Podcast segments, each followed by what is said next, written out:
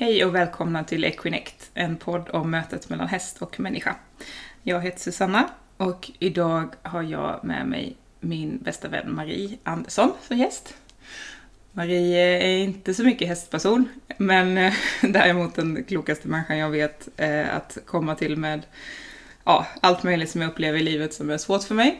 Så jag tänker att vi ska prata om eh, ja, men lite av dina perspektiv Marie på saker. Vi ska prata lite om medkänsla, vi kommer komma in på nervsystemet och trauma. Ja, och så ser vi lite vart det här samtalet för oss. Mm. Hej! Hej! En fluga som sitter i mikrofonen. Eh, jag tänkte vi börjar med att berätta lite om hur vi lärde känna varandra. Eh, jag brukar dra den storyn ibland för eh, samtalsklienter.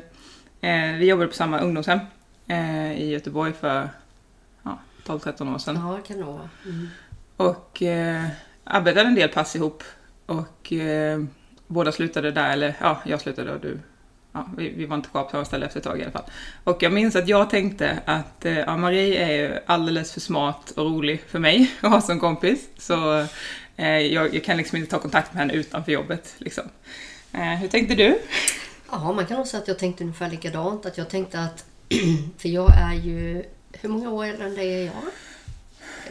Oj, vad jobbigt. Jag dålig 15, 6, ja kanske. Oh, ja, just det. Ja. Det är ju rätt mycket ändå. Ja. Eh, nej, men jag vet ju att jag tänkte att du var typ så här superklok och eh, du hade ju också då pre precis startat ett företag tror jag. Mm. Och jag var sådär bara wow, gud vad impat. Hon vet hur man sköter ett företag. Hon är sådär lugn och klok och vet alltid vad hon ska säga. Och jag bara känner såhär, åh gud, och jag är så här gammal och jag är typ som en tonåring fortfarande. Så jag vågade inte direkt eh, approacha dig heller. Jag tänkte förmodligen tycker du att jag är ganska trög. så tråkigt! Ja. Det är så tråkigt att, och vi har pratat rätt mycket om det sen, för det gick ju några år där, där vi i princip inte hördes. Mm. Alltså hade någon slags sporadisk kontakt. Mm. Eh, och sen när jag hade det tufft några år senare så frågade jag om vi kunde fika så att jag kunde få ta del lite av din visdom som mm. jag då mm. såg den. Vad roligt, jag kommer inte ens ihåg att du ringde och frågade om vi skulle fika. Alltså då innan jag skulle till Bali. Ja, ja just det, då när vi eh, träffades hemma på min gård. Just det, just ja, det. Mm. precis. Eh, ja, och, och sen någonstans senare då när vi var lite mer bekväma med varandra så har vi ju då insett att vi var på väg att missa den här mm. vänskapen för precis. att vi båda tyckte att den andra var för bra för oss. Mm. Precis. det är så himla sorgligt. Och, ja. Mm. Ja, verkligen. Och så onödigt att man går omkring och har sådana tankar både om sig själv och, och om den andra också. Mm. Mm. Så, så det, ja.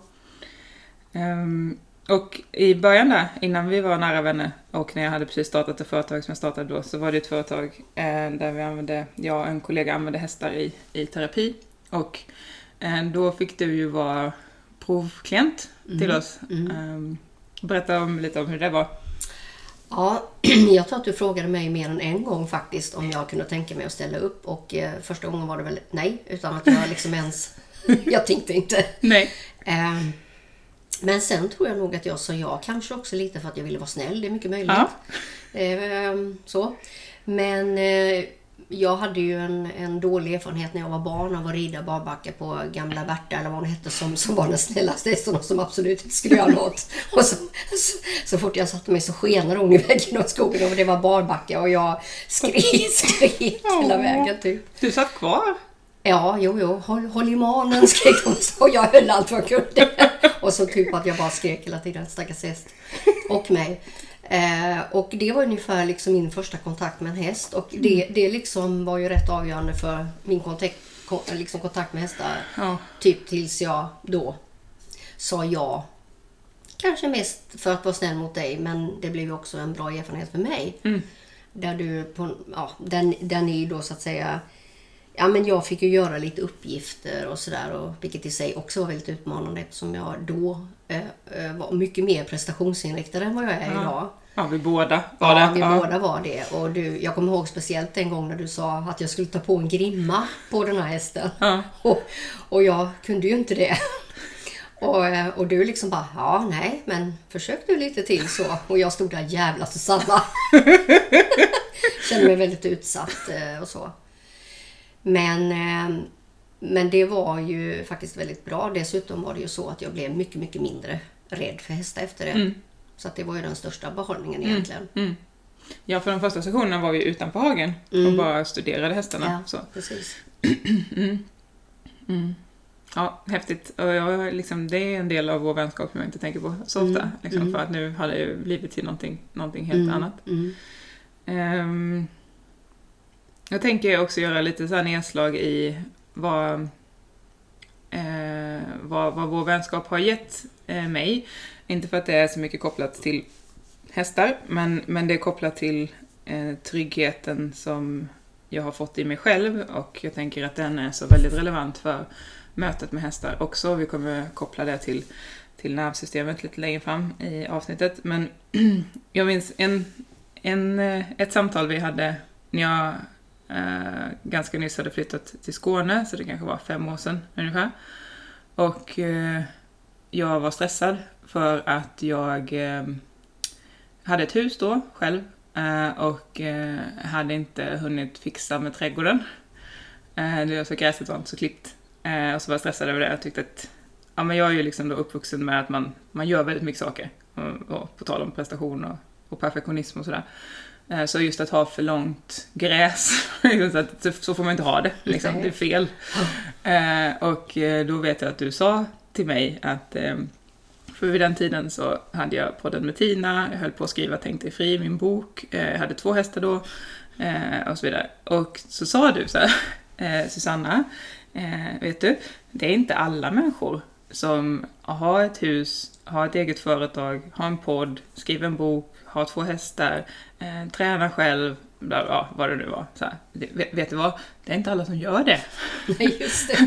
Och, och på riktigt så var Mm. det första gången den tanken fanns i mitt huvud. Mm. Att, att det inte var nödvändigt. Nej, Eh, Att, det inte, att, att jag kanske inte behövde ha alla de bitarna perfekta samtidigt. Jag hade liksom på riktigt inte kunnat tänka den tanken på egen hand. Mm.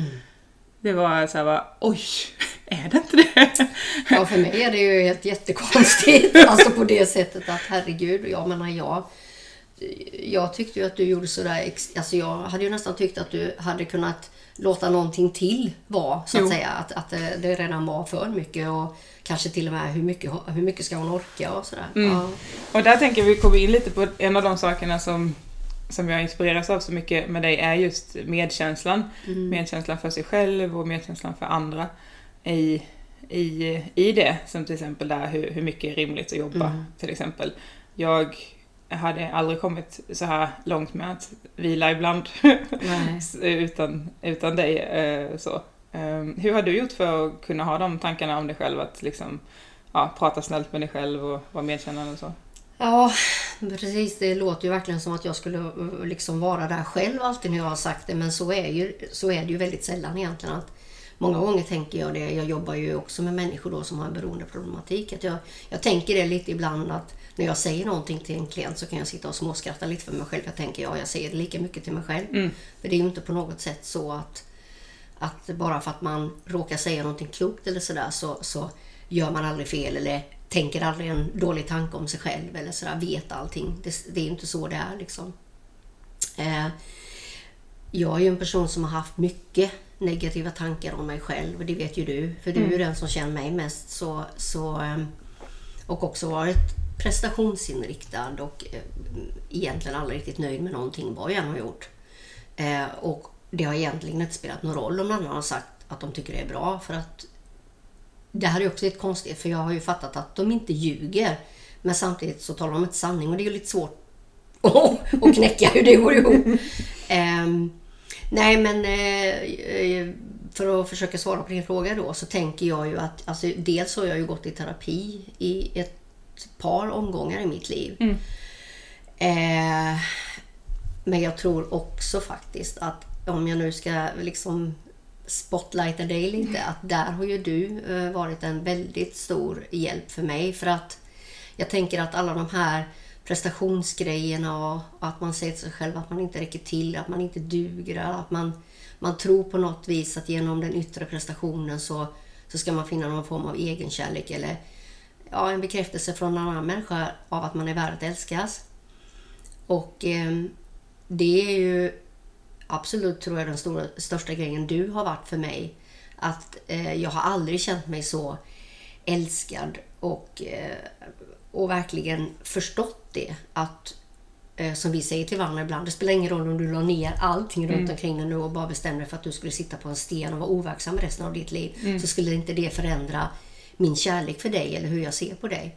Eh, jag vet inte om jag svävade bort från det nu. Ja, men vi kan plocka upp det där, eller jag plockar gärna upp det där för, för det, precis det du är inne på är ju också det som landade mig tack vare ditt uttalande där, liksom av att, men att du speglade hur mycket jag gjorde eh, och också din underton där var ju att, att, att det spelar ingen roll för dig eh, vad jag gör eller inte gör. Eh, och, och det har varit så ofantligt läkande för mig eh, som ju då tidigare alltid blivit speglad och fått beröm om jag gör saker. Mm. Eh, att att det, det, spelar verkligen ingen roll för dig eh, om jag är smart eller inte. eller om jag gör alla de där grejerna Nej. eller inte. Eh, och, och, avslappningen som kommer av det. Alltså mm. typ bara utandningen som kommer av precis, det. Precis, precis. Mm. Nej men och sen så tänker jag ju också som, som att just att inte så att vi har varit varandras terapeuter. Det hade väl varit lite... Men på sätt och vis har vi varit eh, ibland vi som jobbar med sån här med, med mm. behandling nu, inte det kanske i första hand är hästar då eftersom det är inte det jag gör, men så kan man ju säga ibland att man gör en behandling eh, men en intervention eller någonting man gör kan vara behandlande i sig. Mm.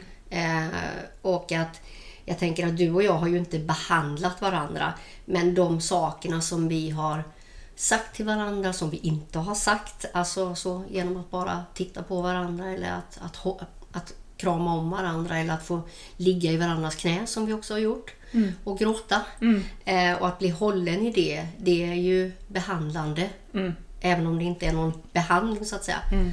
Jag tror du var den första personen jag grät inför i vuxen ålder. Uh, ja. Och också, ja men alltså, och den första personen överhuvudtaget som jag släppt hela vägen in. Liksom. Ja, det är ju samma för mig. Uh. Nej men och jag tänker också i det här då att att bli... det är ju egentligen två saker i det här. Det, det ena är det här med sina negativa tankar eller Alltså som vi kallar negativa tankar är ju alla tankar som, som på något vis kräver prestation eller att man tycker man är oduglig eller, eller liksom det här kommer skita sig eller vad det än är man så.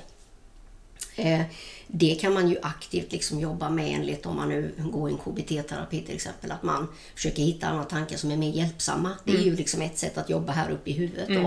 Men jag tänker också, jag tror att det kunde vi nog också ganska mycket av, både du mm. och jag, när vi träffade varandra. Mm. Och jag på tror, ett teoretiskt plan? På ett, ja, men jag, ja, men precis. I och för sig. Fast jag tror också kanske att att det hade vi på ett sätt kunnat fortsätta att jobba med men vi hade liksom inte kommit Nej. längre därför att det som jag tror mycket du och jag har gjort är ju kanske lite mer det här som vi också ska prata lite mer om att eh, det finns ju saker som behöver läka eller som behöver läggas lite till rätta som inte handlar om ord. Mm. Som, som just är då mer kopplat till vårt nervsystem eller den känslan av att bara få bli hållen utan att utan att du egentligen säger någonting. Mm. Att du förmedlar det utan att prata så att säga. Mm.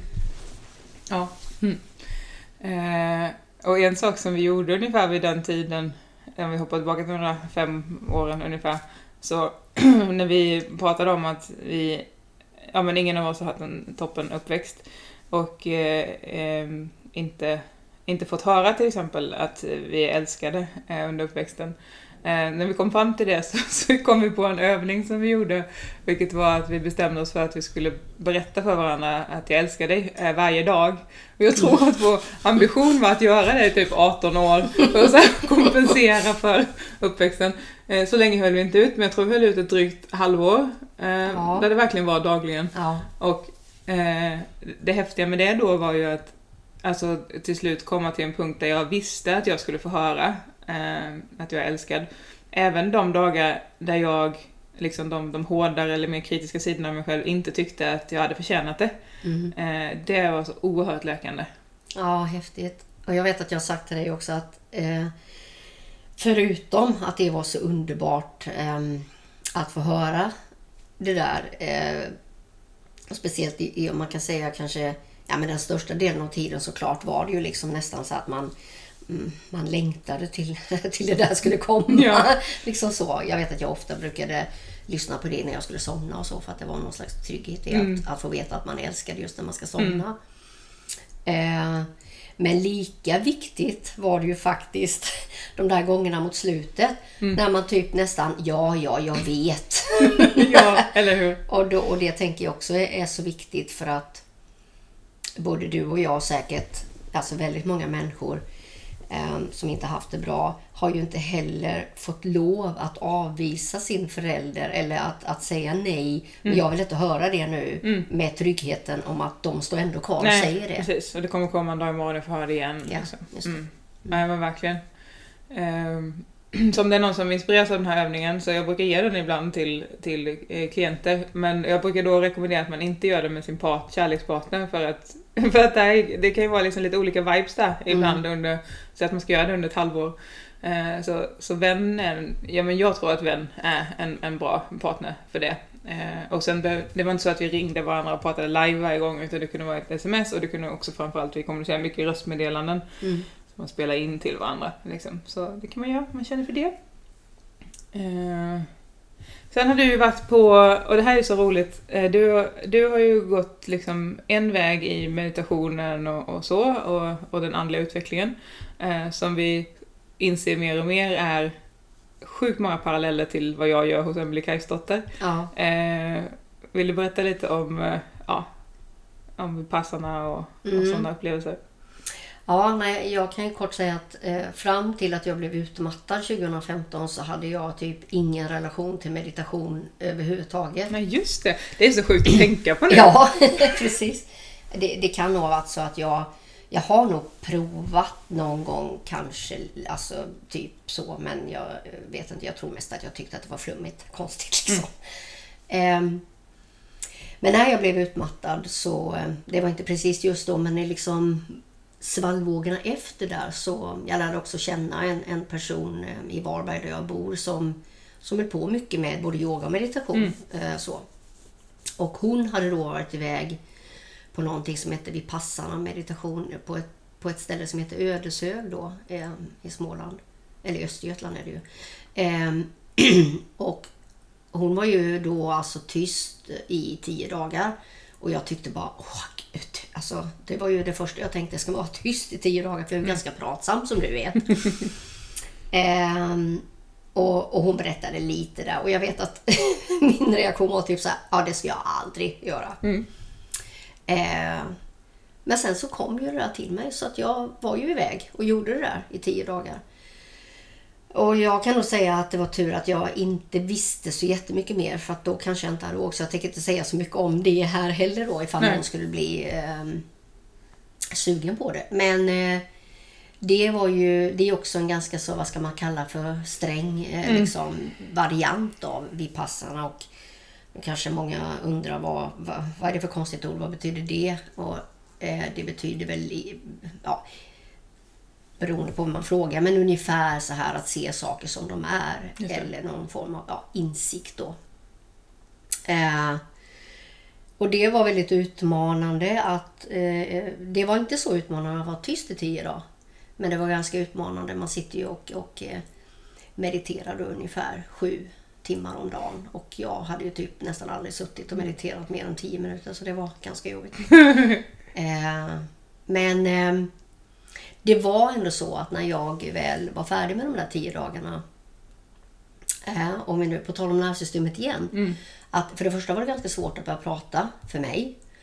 Eh, men också, eh, jag fick lift eh, tillbaka då, eh, till Göteborg med, med en eh, tjej och när jag klev av på stationen i Göteborg. Det är ju, det är ju inte världens största station men det är ganska mycket folk där, mycket intryck. Och det var en, en chock för nervsystemet. Eh, att, eh, eh, alltså det var som att jag hade aldrig hört så mycket ljud i hela mitt liv. Så. Och jag ville vara tillbaka igen. Och Det är ju intressant utifrån den aspekten att mm, vi är så tillvända i hela vårt system av så mycket input och eh, att vi egentligen får väldigt lite vila där vi, där vi verkligen går ner i varv. då.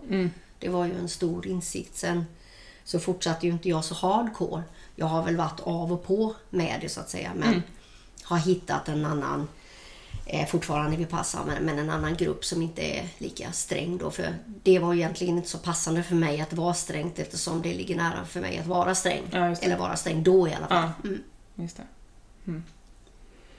Eh, vad har du med dig därifrån som du använder i, i vardagen? Mm. Eh, ja, men eh, en väldigt viktig sak är ju det här att jag är ju en ganska snabb person. Eh, I huvudet framför allt. Men, men då åker ju också ofta kroppen med. Mm. För man låter huvudet, sinnet få styra mer än, Mm. än kroppen så att säga. Och jag eh, har ju också i stora delar av mitt liv varit en huvudfoting som man kan säga ibland att om jag skulle ritat mig själv så hade huvudet varit jättestort och så hade jag haft en liten kropp som hängde med. Liksom. Mm. Så det jag använder i min vardag nu är ju att, att när man träffar väldigt många människor också. Eh, och kanske hamnar i samtal som är ganska jobbiga ibland med dem man träffar. Så, så eh, krävs det också att man är ganska närvarande i de samtalen. Och för att då återhämta sig emellan till exempel så kan jag, som vi brukar säga, lite så här, checka in hos mig själv för att se lite vad är, vad är jag nu? Hur är, vad har, jag, har jag några känslor eller är jag fast i en tanke eller liksom är jag stressad och sådär. Och då brukar jag liksom sakta ner, eh, ta några djupa andetag eller bara liksom sitta med mig själv en liten stund. Så det är ju en del som jag säger att jag kanske mer använder dagligen så. Men också det här med tankar som vi var inne på då. Eh, att det är lätt att man fastnar i ett, i ett oftast inte så positivt sätt att tänka. Det kan ju vara vad, som helst som händer på dagen. Kanske att om man har en chef så kanske den sa någonting som man tänkte, ha liksom och så går man och bär på det. Vad menade den personen egentligen? Nej, den tycker nog inte om mig egentligen. Eller mm, det kan vara vad som helst, att man tycker att eh, den har mycket krav på en och sådär. Och vi har ju något som, ja nu får du hoppa in här, men det här vi brukar prata om, om egot då. Som inte, ja hur skulle du säga att egot är Susanna? Vad är det för något? Men det är mycket bättre att förklara Nej. saker. på tal om automatiska negativa tankar. Alltså, jag tycker det. Ja, Ja, men den är automatisk, men och, och jag tycker... och den är sann. Ja, den är sant. Ja, precis. Vilket skulle vara budskapet om att vi inte, inte skulle ta våra tankar för sanning egentligen mer än att det är en tanke. Den kan vara sann, Ja. givetvis. Nej, men, men jag är absolut ingen specialist på att ha någon definition av egot heller. Eh, Men egot och jaget ligger ju ändå ganska nära varandra och att, att eh, egot är väl det som kanske den delen av oss som vad ska vi säga, vill, vill ha den ständiga bekräftelsen eller vill sätta oss själva i första rummet och är ganska mm, oempatisk kanske så. Mm, och tror att man måste leva upp till massa saker. Ja, precis. Eh, och det är ju absolut ingenting som man ska inte gå omkring och tänka att man är dålig för att man har ett ego, för det har vi ju, det kan man ju inte komma undan liksom. Mm. Men det kan ju ställa till det ibland. Ehm, och eh, jag brukar liksom pendla mellan jaget och ego. Att jag, för mig blir det nästan samma sak då. Men, men i den här Vipassana-traditionen så har man ju också det här att man... En utav insikterna där är att man, man försöker tillvänja sig liksom vid tanken om att det här med ett jag är någonting som är en eh, tankekonstruktion som vi människor har hittat på. så att säga. Det, det finns egentligen inte ett jag i den bemärkelsen. Nu ska jag inte gå in på det. Som att vi då inte är separerade, utan Exakt. att vi alla liksom... Jag Exakt. ska bara säga, händerna. Eh, ja. Bra, tack. ja. Ja. Eh, och i det då, det är ju samma sak med kroppen. Alltså det enklaste uttrycket är ju att, att vi använder de här min, mitt, jag och så vidare. Det är ju där det kommer som mest. Och det är egentligen, skulle man kunna säga, eh, mycket eh, problem i världen som bara uppkommer att vi tänker jag, mitt, du, ditt och så vidare. och en enkel sak som vi glömde säga i början, när vi inför att du inte har varit med i någon podd innan eh, och var lite nervös över det. Mm. Så skojade vi lite om ett sätt som du hjälpte mig att se på tidigare i veckan. Du har varit hos mig nu en vecka. Och eh, eh, när jag, jag var ledsen för någonting häromdagen. Eh, så, så det här sättet att tänka på är ju också ett sätt där man kan lite grann frikoppla upplevelsen från att hålla sig fast vid den. Så istället för att säga så här, eh, ja, jag är eh, nervös nu, eh, så kan man konstatera att det finns oro, det finns nervositet. Precis, Ehm. precis, precis. Ja. Att lite mer så här, det finns, det Mhm. finns det. Det är inte Mm. som att jag är det. Inte nödvändigtvis så här, hålla fast vid det. Utan så här, mm, jag noterar Ja. oro, okej. Mm. Alltså, Ja. Det blir liksom en viss distans från det i alla fall som gör att det kanske inte åk, åker igång lika mycket i systemet. Alltså in i- Precis. För det är ofta så att, att när vi säger jag är rädd, det må ju förvisso vara sant. Mm. Eh, För det finns ju någon form av jag här som upplever något i alla fall. Mm. Men just att när, när vi fastnar i det så är det ju för att vi säger att det är, mitt, det är min oro. Mm. Det är min rädsla.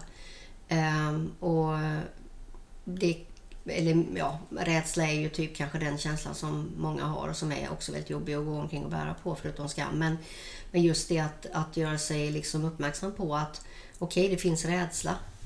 Och då behöver man inte koppla det. Då kan det vara lättare att släppa Mm. det för att det behöver inte vara kopplat till mig. För det finns ju uppenbarligen rädsla. För när jag inte är rädd, vad är rädslan då? Finns den inte då? Mm. Alltså om vi nu bara skulle säga så. Så att det finns ju. Mm. Liksom att det finns massa andra. Visdom, känslor, try- alltså vad som helst. Ja. Mm. Absolut.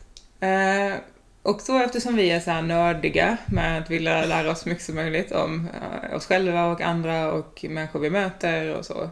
Eh, så nu den här veckan när du har varit här så har vi ju vi har varit ute och vandrat varje dag. Eh, jättehärligt. Och vi har pratat, vi har ätit gott och vi har varit med hästarna. Eh, och vi köpte också en kurs i traumabearbetning. Eh, Advanced Master Program för någon traum, trauma. Så vi tänkte så här, nu när vi har Och semester. det speglar inte vår nivå kan man säga.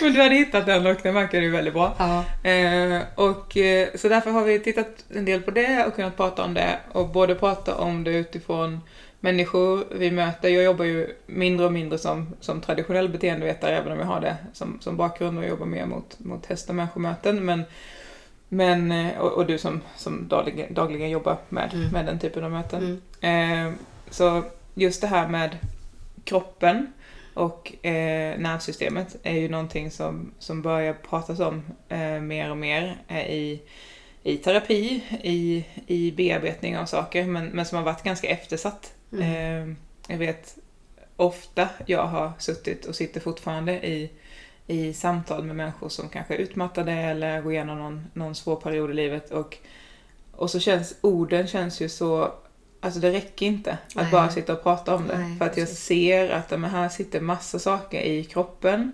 Eller hela systemet här på människan. Och med systemet och nervsystemet. Alltså hela...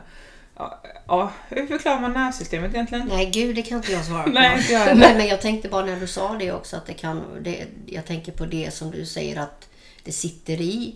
Jag tror att eh, en del i det är ju det här att all, alla våra upplevelser och alla känslor som vi har haft sitter ju kvar i kroppen. Ja. Och eh, det är ju oftast faktiskt eh, det som, som kan vara mest tydligt ibland. Alltså Mm. så, och eh, även om man har pratat så, kan det, alltså, så upplever man fortfarande inte att man mår riktigt bra eller att ja, man har smärta eller att man, Mm. man, man känner det som att man är ja, men fast lite Mm. så. Och då blir det så viktigt att också få ta till eh, bearbetningstekniker för hur, hur lugnar vi kroppen då? Eller hur får vi ut den här känslan? Och man börjar prata mer och mer om att kunna reglera nervsystemet. Så, så för att ge någon slags eh, kort inblick kliar du väldigt intensivt i huvudet här. Ja, för att det inte skulle låtas in i min mikrofon. Kul. Eh, Men när man pratar nervsystem och pratar stress och så, så pratar man ju till exempel om att när vi kommer till en viss nivå av, av stress, det vill säga vi är i någon situation där vi känner att här räcker jag inte till, här räcker inte mina resurser till, så vår hjärna har inte hunnit ändra sig så mycket och vårt nervsystem har inte hunnit ändra sig så mycket sedan vi levde på savannen. Så i princip alla stressmoment eh, tolkas som någon form av oj shit, jag är jagad av ett lejon, eh, jag behöver springa för livet eller jag behöver stanna och slåss, så det man kallar då fight or flight. Och problemet är ju när vi levde då i grottor och på savannen så, ja men det fanns lejon och, och då och då var vi jagade av, det, av dem och resten av tiden var det lugnt. Eh, Medan nu så finns det så oerhört många stressmoment. Det kan vara allt ifrån att ha en mailkorg som eh, är överfull som vi inte hunnit svara på eh, till att vara i en relation där vi känner att vi, vi inte blir hörda eh, till, till vad som helst. Mm. Eh, Så ett, Man bara tillägga lite där det är att, att, Ja, men varför reagerar vi så? Jo, därför att hjärnan inte kan så att säga skilja på papperskorgen. I det läget blir lejonet på savannen Mm. bara så blir det tydligt. Mm, Verkligen. Ehm, och då, den stressen gör att vårt nervsystem vill, vill göra någonting åt det. Liksom. Så eh, i, i det vilda så hade vi ju, vi hade antingen sprungit ifrån lejonet eller så hade vi hamnat i någon slags närkamp och vi hade fått ur det ur kroppen. Mm. Ehm, det gör vi inte nu, utan vi är med den där störiga chefen. eh, Eller vi är i en situation med vår häst där vi känner att vi inte fixar det eller räcker till, eller en tränare begär någonting av oss och vi, vi tycker att vi är dåliga. Eh, Vi är i det och vi förstår ju att jag ska inte slå till den här tränaren eller chefen. Jag bör inte springa härifrån nu.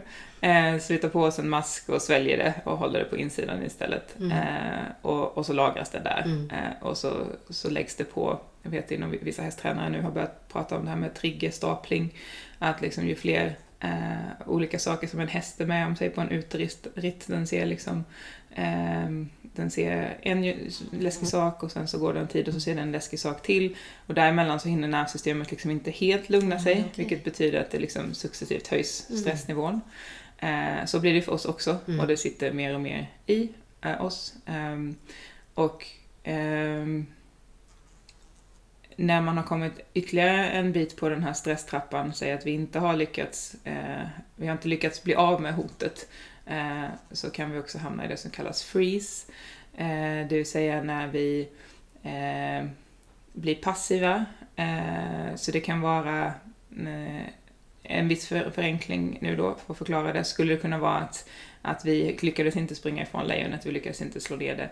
Eh, så vi, vi blir stela, vi spelar döda eh, och så småningom kan vi också checka ut och lämna kroppen om vi skulle behöva för att Mm. bara eh, ja, hantera Mm. eh, det läskiga. Ehm, och då när jag suttit och lyssnat på det här så tänker vi massa saker och jag tänker ju både på människor och hästar. Och en av de sakerna som, eh, som var roligt nu, för i, i förmiddags så var vi ute och gick en promenad med Goldeneye eh, och då var det vid ett par tillfällen som det dök upp oväntade saker. En person med barnvagn och en, en traktor. Eh, och då var det spännande att se de här sakerna i eh, in action. Eh, För vad de pratade om på, på föreläsningarna var att vi har, när det gäller freeze, så har vi dels en freeze som händer som en orienterande freeze. Det vill säga, när någonting händer så stelnar vi till och ska kolla vad är det för någonting. Eh, och sen därifrån så skulle vi kunna gå in i att springa därifrån eller slåss. Mm. Eh, och vi skulle kunna... Du vill säga något där? Ja, jag bara tänkte säga också så att, så att det, alltså det här är ju ingenting vi väljer. Det här går ju helt automatiskt. Så vi väljer ju inte att stanna till. Det, Nej, utan det är bara Nej, precis. Det är liksom en Ja, reflex. Det är bara en reflex, ja. Eh, och det var spännande att se som, som på Golden idag då, när den här traktorn kom, att det är så här, "Åh, traktor, Mm. och sen så liksom reflex. Eh, och sen därifrån så, så, fattas, så fattas ju något form av beslut så här, om Mm. vad, vad får jag för information om situationen? Eh, behöver jag springa härifrån nu? Hästar stannar ju oftast inte och slåss, utan de vill ju springa därifrån. Mm. Eh, och i det här fallet så, så behövde han inte fatta det beslutet, så det var ju smidigt för mig. Ja, precis. Och mig med. Ja. Men det var spännande att se liksom den. Ja, just det. Nu kommer jag ju bara att tänka på en sak som jag vet ju typ noll om hästar, mer än att de har fyra ben och en svans och ett huvud. Liksom. Eh, och jag tänker just på det du beskriver nu, att om, om det är vi som är i den situationen och vi stannar upp, då har ju vi liksom den hjärna vi har. Vi har ju den här främre där vår analysförmåga och tolkningsförmåga och, och allting sitter. Och då, då i den situationen så gör ju vi så att vi formar någon form av begrepp liksom kring, aha okej, där kommer en bil och den är röd och den kör åt det hållet och den kör så fort, nej men det är nog inget farligt. Den står så här. Hur går det till hos hästar? Är det på samma vis eller? Jag vet inte. Eh, och det finns säkert folk som, som vet om det, men, men eh, jag vet inte. Ehm, jag gissar att, att de också kan konceptualisera Mm. saker. Mm.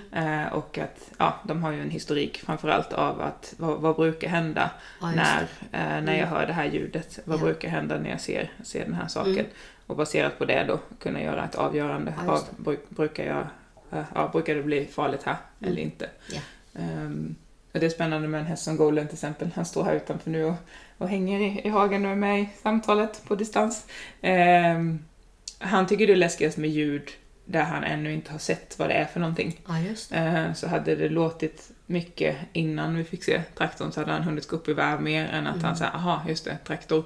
För där har han ändå liksom, det har han sett ett antal gånger och då är det lugnare. Liksom. Och det, det talar ju lite för att det skulle kunna vara någon form av bild, bild Ja. minne i det. Alltså lite Men så det som sägs kanske vi också testa- gör. Ja. Ja. tänker mycket så. Så att det är häftigt. Och sen en annan, eller ja, nu vet jag inte riktigt vilken ordning jag ska säga det, men, men en sak som också är spännande när vi lyssnade på de här föreläsningarna var att för oss människor så sätter sig starka känslor, upplevs i princip alltid i huvudet eller i torson. Så liksom, eh, mage, trakten, hjär, eh, bröst. Så. Eh, och intressant nog då, ni som har lyssnat på alla avsnitt vet ju att hos Emily så jobbar vi mycket med något som hon kallar mikrorörelser, eller som hästen Mio kallar mikrorörelser. Alltså om vi vill, eh, vill ge den andras kropp, i det här fallet hästens kropp, en upplevelse av en annan rörelse så kan vi själva göra en, en perifer rörelse i vår kropp, alltså röra lite på ett finger eller lite på en tå eller liksom andas på ett annat sätt och sådär. Eh, och det var tydligen något som man använde i, i traumabehandling också, särskilt om någon då är i freeze, en människa i det här fallet, eh, och har, har blivit så, så pass skräckslagen eller stressad, det kan vara över ett minne, så det kan vara en terapisession då. Eh, alltså kan man säga, men kan, kan du, ja men det fallet var så här, kan du, kan du titta åt olika håll? Eller kan du röra lite på det här lillfingret? Och det är ju också jättespännande om vi skulle kunna ta med oss det i mötet med våra hästar. När vi märker att hästen stelnar till. Eh, för så här händer det blir ju liksom ett utbyte mellan hästens nervsystem och vårt nervsystem, precis som det blir mellan människa och människa. Så ju mer vi kan hålla oss lugna i en sån situation, desto mer hjälper vi hästen såklart. Men det är inte alltid så enkelt att hålla sig lugn när hästen stelnar till, självfallet. Så då är frågan så här, okej, om, om jag, säger att jag står jämte Golden, han är jättestressad, jag lyckas inte lugna mig, för jag, jag, min hjärna börjar säga, åh herregud, tänk om det här och det här händer. Då hade det varit jättespännande om man tar med sig mikrorörelse också i en sån situation Mm. till sig själv. Absolut. Ja. Okej, men jag behöver, eller jag måste just nu röra på mitt vänstra ringfinger eh, upp och ner och sen måste jag röra på min högra lilltå. Mm. För vad som händer då också är ju att min eh, eh, awareness, min närvaro, hamnar istället för att bara vara i huvudet och liksom bara panika över det jag tror ska hända, så behöver jag hoppa ner kroppen mer. Precis, precis. Så det vore spännande att testa. Mm. Verkligen. Och då pratade de också om att eh, om man har varit med om ett trauma som människa, eh, så när det hände så kan det ha varit så att man egentligen ville ha slagit till förövaren eller puttat bort eh, hen eller eh, skrikit eller sådär. Men om kroppen var så stressad så att man inte kunde det utan den hade gått in i freeze så kan det vara rörelser som kroppen inte fick uttrycka. Och eh, i en traumabehandling av en människa så ehm, är, är det så ibland att kroppen behöver göra färdigt rörelsen. Mm. Eh, och berätta lite om dina reflektioner av Sky och Epona-promenaden idag, för vi gick också, vi gick också en liten promenad med Sky och Epona. Ja, just det. Nej, men jag hade ju då lite, nu gör jag citationstecken här, lite ansvar över Sky då. Tack Susanna. Ehm, så Susanna gick ju en bit före med Epona och jag gick lite bakom med Sky. Och har väl kanske lite precis bara fått lära mig lite, okej, öronen så, ögonen så och lite så här. Men eh, eh, vid det tillfället så var vi väl eh, några meter bakom tror jag. Och eh, utanför gården här så finns det ju eh, en presenning som täcker över något som jag inte vet vad det är. Men i alla fall så blåste det ganska mycket idag. Och den prasslade ju till ganska högt. Och så var vi ju en bit ifrån Epona och då blev ju Sky eh, rädd så att säga. Ehm, eh, och Och Sky var lös. och Sky var lös, jag precis skulle säga det. Liksom att, och det. För det sa ju du till mig sen, men just det här då att hur hon, liksom, hennes rädsla eh, gjorde ju att hon ville eh, alltså fly. Men i det här läget så har hon ju också sin anknytningsperson nära, vilket gjorde att hon automatiskt då, för det gör ju vi människor med, söker sig till, till eh, Sky. Eh, Epona. Mm. Eh, Epona, ja precis. Eh, så det var ju väldigt härligt att se. Men också sen ehm, i efterhand det här med att hon också... Man kan ju tänka sig att även om hon nu sprang så kan ju ändå vara minnet av det här att hon efteråt också liksom sprang och vad ska man säga nu, att hon skojade till Ja, lite. studsade runt lite. studsade runt lite. Ja. Det kan man också tänka sig ett sätt att få ut det sista också. Och då pratade vi också om att tack vare att hon var lös då eh, så kunde hon få göra färdigt den rörelsen. Eh, jämfört med, tänk om hon hade suttit fast eh, Mm. och hon, hon blev stressad, hennes kropp behövde få liksom bara, ja men det här är en situation jag behöver springa ifrån. Ja. Men hade hon varit en, en vanlig häst som tränades Mm. på ett vanligt sätt så hade ju människan hållit fast henne där och sagt nej, Exakt. spring inte, Exakt. nu ska du lära dig att stå still.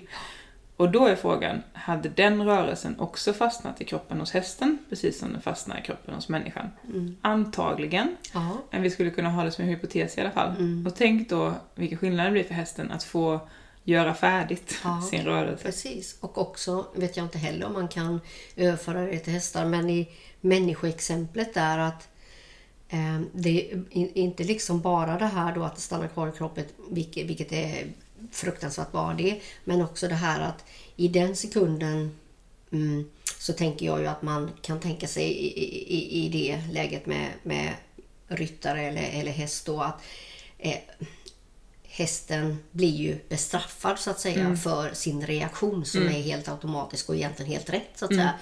Och, och i och med att eh, ryttaren då förhindrar detta så, så blir det ju som en bestraffning för att den konsekvensen är ju inte logisk på något sätt. Och att det också blir, då blir ju den eh, automatiska responsen som egentligen är helt frisk, en överlevnadsmekanism eh, förknippad med någonting som blir förbjudet eller dåligt. Och vad gör det med en? Och vad gör det med hästen? Mm. Det är I princip exakt det du sa nu har Emily pratat om på Jaha, våra okej. kurser. Ja. På tal om alla paralleller som finns där. Jaha, just det. Just att bli dubbelt bestraffad. Liksom. Ja. Så det är också någonting som, om vi pratar om en häst som är påna, som verkligen har det ansvaret i flocken att, att signalera fara, så är det liksom, det, det är meningen att hon ska vara den. Hon, hon har den uppgiften i flocken. Mm. Och så kommer en människa och säger att det där är fel. Det Ja, blir liksom just det. jättekonstigt. Mm. Och nu kommer jag bara på också det här med, som vi pratade om tidigare, det här med men om man skulle kunna säga meditation eller sådär, att det egentligen också, vi människor är ju väldigt, och det har nog med egot att göra, väldigt liksom på det här med att vi ska, så att säga, vi, vi blir till i görandet. Eh, och så glömmer vi att vi redan är. Alltså, vi, vi, vi börjar ju vårt liv i varandet. Mm. Och att jag tänker att alla djur eller, eller dina hästar här nu som så, att de är ju i varandet. Mm. Eh, och att när de liksom träder in eller tvingas in i vår värld så tvingas de in i ett görande och blir bestraffade eller belönade utifrån att de måste prestera eller göra något för att det räcker inte med att de bara är. Mm, verkligen. Och vilken skillnad det är från, från hur man tittar på att en häst spenderar ett dygn om man skulle studera den. Eh, hur mycket av tiden som bara är så här lugnt, gå runt, leta lite mat, stå och vila. Så det är väldigt få minuter av ett dygn som en häst väljer själv att springa till exempel. Och, och aldrig i 40 minuter i sträck. Liksom. Eh, det är ju inte, inte så, så de skulle göra. Så att det är en, en väldigt, väldigt skillnad på vad vi begär av dem och vad, vad som är naturligt där. Då. Ja, och hela det här, alltså många gånger att det är ju inte för att vi är onda vi människor utan det är för att vi är vana i det sättet att tänka utifrån utifrån vad vi, ja, vår kontext eller alltså Mm. så. Men att ofta tror jag att vi människor tänker lättare att djur har så mycket att lära oss. Mm. Och så glömmer vi bort att jag tror att vi nästan har mer att lära oss av djuren än tvärtom. Som ibland, jag tror vi säger så här att om man, om man skulle titta på, på allting, alltså i, i livet i sig så, så är det ju så att naturen behöver inte oss. Djuren behöver inte oss. Men vi behöver både djuren och naturen. Det är rätt intressant. Ja, ja, och kan göra en del med ens, ens, alltså ens, ens inställning till det. Mm. Verkligen. Hmm. Har du några andra tankar där kring, kring nervsystem eller trauma eller hästar eller någon, någon av de grejerna? Ehm, nej, men eh, egentligen om, om, jag, om jag släpper fram mitt ego lite då. Mm. Nej, men just det här att det jag får vara med om idag. Eftersom ehm, i min hjärna har det ju blivit att stora hästar är farliga. Eller farliga, jag förstår ju att en häst inte skulle göra mig illa medvetet. Det skulle ju inget djur göra. Men ehm, jag, det handlar väl snarare om att jag inte riktigt vet hur, hur jag ska vara tillsammans med en stor häst. Och att de ju faktiskt är väldigt stora. Mm. Eh, och att, eh, att få vara nu med Sky lite då, som är så fantastisk eh, varelse så har ju faktiskt bara, det har ju bara varit två gånger nu, men som idag när vi var ute och lite igår då, att genom att jag kan vara lite med henne eh, så hjälper det ju mitt nervsystem att, att liksom lära om i att det här är ingen farlig situation. Okej, okay, man behöver ju vara lite vaksam för, för jag menar, man vill ju inte ha eh, att hon ställer sig på en. Liksom så. Mm. Men, men att vara vaksam, ju, eller att vara, ska säga, ha koll på sig själv och, och hästens språk är ju inte samma sak som att vara rädd Nej. för en häst. Och att det, det blir också en parallellprocess för att, eh, och det här vet jag inte om du har noterat, men när jag liksom kan vara lugnare i mitt nervsystem så underlättar det så mycket mer för min kontakt med hästarna därför mm. att de blir ju lugna mm. och så liksom lugnar vi varandra på mm. något sätt. För att okay. även om jag går in med de bästa intentionerna men liksom bara signalerar med hela mitt system att du är jättefarlig nu men här får du lite mat men bit mig inte. så kommer ju de såklart inte kunna vara sådär himla avslappnade heller. Så det, Nej. det är ju verkligen så att det speglas av i vartannat. Ja. Jag tänkte på det i morse så tog jag med dig till eh, Ash, eh, mm. det här Higgsfället som vissa av er har sett videos på. Och han har ju nu vant sig vid mig efter snart två veckor ihop och eh, är eh, trygg runt mig.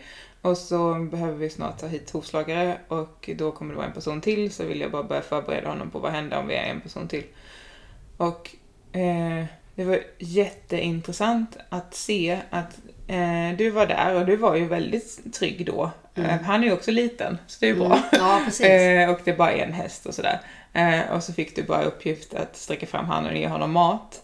Eh, och då eh, slickar han bak öronen och mm. visar ögonvitorna bara av att vara i närheten av en ny person. jättespännande mm. att, ja just det, det var ju här vi började för bara mm. två veckor sedan.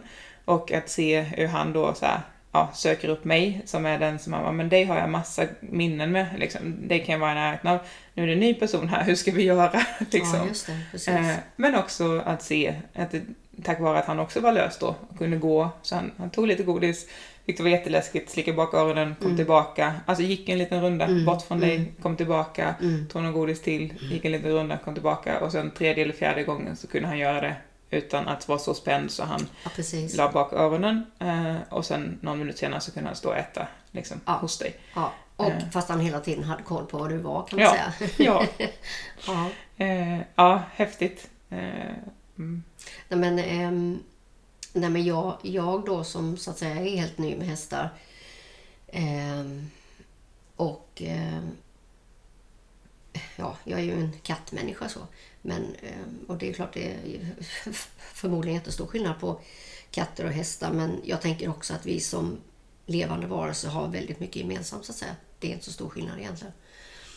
Eh, men just det här också att det blev, det blev väldigt tydligt för mig och jag är ju också väldigt känslig människa så jag kan ju börja gråta och bli väldigt berörd i lägen. Men jag tycker det är så otroligt fint ah, det du gör att verkligen Ehm, vara så, vad ska vi säga, varsam och kärleksfull i din interaktion med den här eh, Ash då, som är uppenbart av någon anledning väldigt rädd.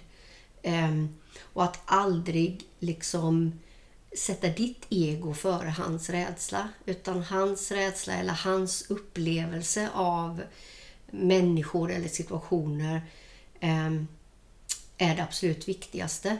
Och det är ju egentligen precis vad ett trauma innebär. Ett trauma är ju att man faktiskt in, alltså att bli inkräktad på mm. utan att ha um, Alltså bara det att man blir inkräktad är ju traumatiserande men också då att man faktiskt varken kan um, vi människor är också flyktdjur i första läget. Kan vi inte fly så bör vi kolla, kan, kan jag slå ner den här? Nej, det kan jag inte. Okej, vad gör jag då? Mm. Ja, jag liksom fryser eller, eller bara låtsas att jag inte finns till. Eh, släpper mitt medvetande någon annanstans. Så att säga. Och jag tycker det är så himla fint här i att du eh, bara låter honom eh, få vara den personen eller den individen han är utan, eh, utan egna motiv från din sida. Han får lov att vara den han är och det är på hans villkor närmandet eller allting kommer ske. Och det, det Alltså, egentligen skulle man inte ens behöva sitta här och säga att det är så fantastiskt det du gör, även om det ju är det. Därför att egentligen i mitt hjärta är ju det här så självklart att Mm. vi behöver möta alla individer eller levande varelser på det sättet. Det är så självklart egentligen tycker Mm. jag. Men det är också väldigt fint att få vara med om att det finns eh, hästar då som jag ju ändå vet genom dig. De flesta hästar kanske inte har det riktigt så här bra men att, att, att du ändå gör det här och att det kommer ut till andra som kan förstå att okej, faktum är ju liksom att min relation med hästen blir mycket, mycket bättre. Eh, och om jag nu ändå vill att hästen faktiskt ska göra vissa saker, för det kanske man ändå vill eller behöver, den behöver göra vissa saker.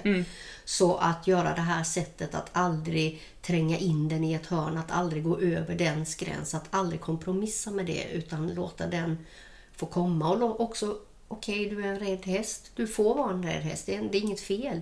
Du är en väldigt framåt häst. Okej, då får du vara det. Att aldrig begränsa det. Ehm, egentligen eh, leder till, vad ska man säga, en större framgång faktiskt. Fast det kanske tar mycket längre tid. Mm. Och, det, och det knäppa är att det är också så, eller tack först för de Ja. fantastiska orden. Väldigt mysigt att ha dig i podden som bara säger massa fina saker.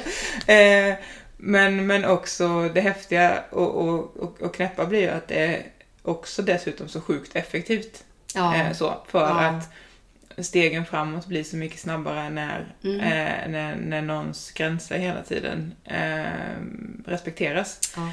Eh, så, så med Ash till exempel, det skrev jag aldrig i den här videon, men alltså jag la ju totalt eh, runt en timme på hans träning den första veckan. Alltså Mm. 10 minuter om dagen. Eh, och gå från att eh, slicka bak öronen, jag får inte ta på dig, till att ha grimma. Eh, och, och kunna börja lyfta fötter. Det är Mm. liksom det är extremt lite tid. Eh, Mm. så. Eh, och också då, vad, vad blir det för känslomässig upplevelse kontra eh, att, att bli tvingad till någonting. Mm. Eh, hela tiden tillbaka till, det var Tina som gjorde den jämförelsen för flera år sedan, men, men samtycke. Liksom. Mm. Alltså, har, har, jag, har jag samtycke från dig att, att röra din kropp nu? Har jag samtycke att lyfta den här foten? Och så Mm. vidare. Det är ju så konstigt att vi, vi tror att, eh, eller vi, vi anser oss ha rätt till någon annans kropp, eh, eh, hästen i det här fallet. Ja. Eh, så, mm. Jag bara tänkte på Ash och hans alerthet, att du såg honom genom fönstret här för en stund sedan bli jätterädd för en katt. ja, just det. Fast han var i hagen och katten var på gårdsplanen. På tal om hans liksom, reaktivitet. Ja, precis. Ja. Ja, jag tänker att vi kanske avslutar där. Du tar någonting annat som du... Ehm, nej, inte som jag kommer på direkt sådär. Tack för att jag fick vara med. Ja, tack för att du ville vara med. Supermysigt.